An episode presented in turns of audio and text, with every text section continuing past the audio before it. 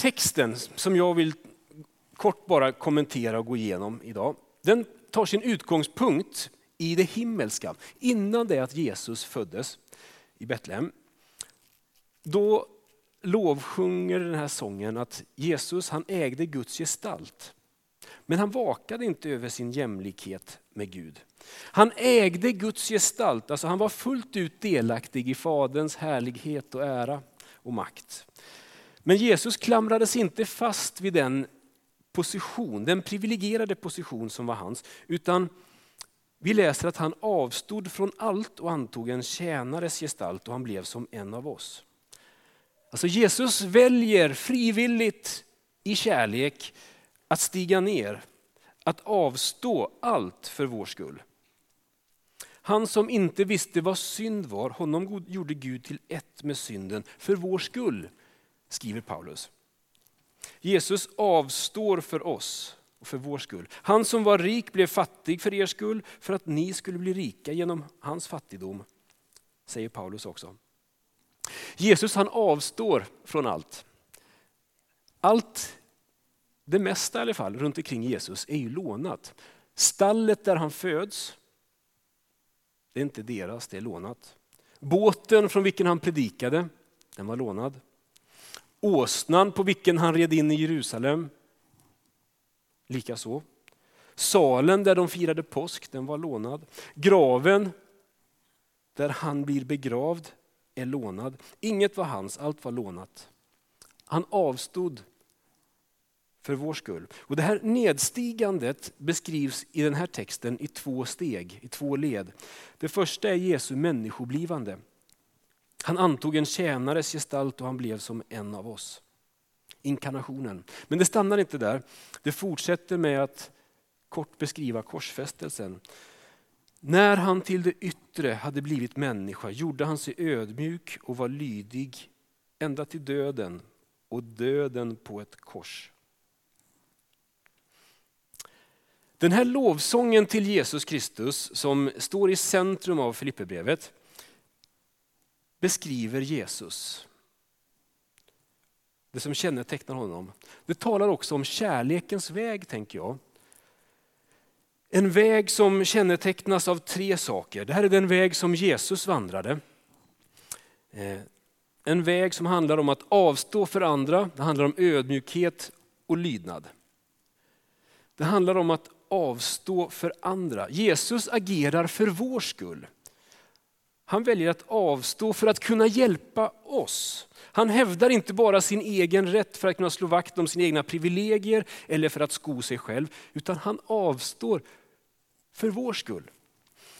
En eh, pastor teolog har kommenterat det här så här att i motsats till den första Adam som försökte roffa till sig gudslikheten för att stiga uppåt på ärans och maktens stege, så vakade inte Jesus över sina privilegier. Och I detta att uppoffra sig för andra så ser vi också två andra gudomliga karaktärsdrag. Den här texten talar om ödmjukhet. Och jag tänker att ödmjukhet det är den starkes val. Det handlar om att aktivt välja att bortse från min egen ställning och status och att istället använda mitt inflytande till att lyfta andra. Att hjälpa andra. Ödmjukhet handlar om att nyttja sin styrka för andras bästa. Det är vad Jesus gjorde. Och ödmjukhet förminskar inte en människa, tvärtom, det gör en människa större och vackrare. Jesus avstår för andra, han kännetecknas av en genuin ödmjukhet men också för en, av en lydnad för Gud. Paulus lyfter fram att Jesus lyder Gud Fadern i allt. Han säger i Johannesevangeliet att jag följer inte min egen vilja utan hans vilja som har sänt mig. Och I ett semane så ber Jesus i en text som vi också kommer att läsa på torsdag. Låt din vilja ske, inte min. Lydnad är ett återkommande tema i Bibeln och hos Jesus. Ske din vilja, säger han. Maria, hans mor, säger likadant. Låt det ske. Jag är Herrens tjänarinna. Må det ske med mig som du Gud har sagt. Kärlekens väg handlar om att avstå för andra i ödmjukhet och lydnad. Sån är Jesus. När han ser på oss så är det med värme och vänlighet. Vi möts av vänliga ögon, av en radikal generositet, en vilja att avstå för att lyfta och bära. Sån är Jesus. Och sådana uppmanas vi att vara. Vi uppmanas som troende på Jesus att avstå för andra. Den uppmaningen går ju på tvärs mot det vi vanligtvis hör. Istället för att ta för oss så uppmanas vi att, att backa och öva oss i att sjunga andra stämman istället. Tänk inte bara på ert eget bästa utan också på andras. Det är Paulus kommentar kring den här texten. Omtänksamhet kännetecknar sunda och friska kristna gemenskaper. Tänk inte bara på ert eget bästa utan också på andras. Så utmaningen till dig idag det är lyft blicken från det som rör dig själv och ställ dig frågan, hur och var kan jag hjälpa till? Vad har jag att kunna bidra med som kan vara till hjälp? Ta goda initiativ och vänta inte på att andra ska göra det. Kom igen! Tänk inte bara på ert eget bästa utan också på andras. Det är vad kristen andlighet handlar om. Att följa i Jesu fotspår. Kärlekens väg handlar om ödmjukhet. Och Paulus han kommenterar i det här samma textsammanhang som vi rör oss i att var fria från självhävdelse och fåfänga. Släpp det. Släpp det. Var ödmjuka och sätt andra högre än er själva. Det här är utmanande. I romarbrevet så ut, ut, drar Paulus igång en, en märklig tävling. Det är som att han gör det. Han säger så här, kom igen, överträffa varandra i ömsesidig aktning. Det här är en annorlunda tävling som går ut på att överträffa varandra i ömsesidig aktning. Vem kan vara vänligast typ? Ta varje chans du har till att hjälpa, till att stötta, att trösta, att uppmuntra. Och man kan ju fundera, hur skulle det se ut om vi på allvar tog och klev in i den utmaningen? Att överträffa varandra i ömsesidig aktning. Öppna dörren här, nej men inte ska väl du? Ja. Det vore intressant att se. Kärlekens väg handlar om att avstå för andra, om ödmjukhet, om lydnad för Gud. Att lyda är ett ord som skaver för oss. Det är ganska negativt laddat i vår tid. Vi associerar det med tvång och vi tänker att det begränsar våra liv på ett negativt sätt att lyda Gud.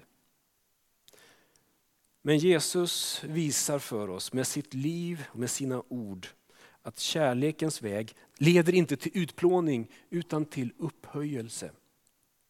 Vi känner historien och vi vet att Jesus i kraft och härlighet uppstod på tredje dagen. Och texten vi läste idag fortsätter och säger att därför har Gud upphöjt honom över allt annat. Gett honom det namn som står över alla andra namn för att alla knän ska böjas för Jesu namn i himlen, på jorden och under jorden och alla tungor bekänna att Jesus Kristus är Herre. Gud Fadern till ära. Jesus är vår frälsare och förebild. Han åstadkom någonting för vår frälsning på korset. Hans död och uppståndelse har i grunden förändrat förutsättningarna för våra liv. Han är världens frälsare men också vår förebild. Han går före och han visar på vägen ett liv. Han visar på kärlekens väg, en väg som vi inbjuds att vandra. Jesus visar på ett sätt att vara som handlar om att avstå för andras skull. Att leva i ödmjukhet och lydnad inför Gud Fadern. Han visar på ett sätt som, Jesus visar på ett sätt som skapar förutsättningar för Guds rike att komma med kraft. Genom Jesus och genom kyrkan så blir Gud förhärligad. Amen.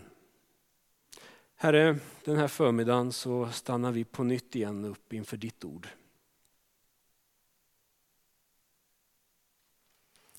Du talar till oss på olika sätt.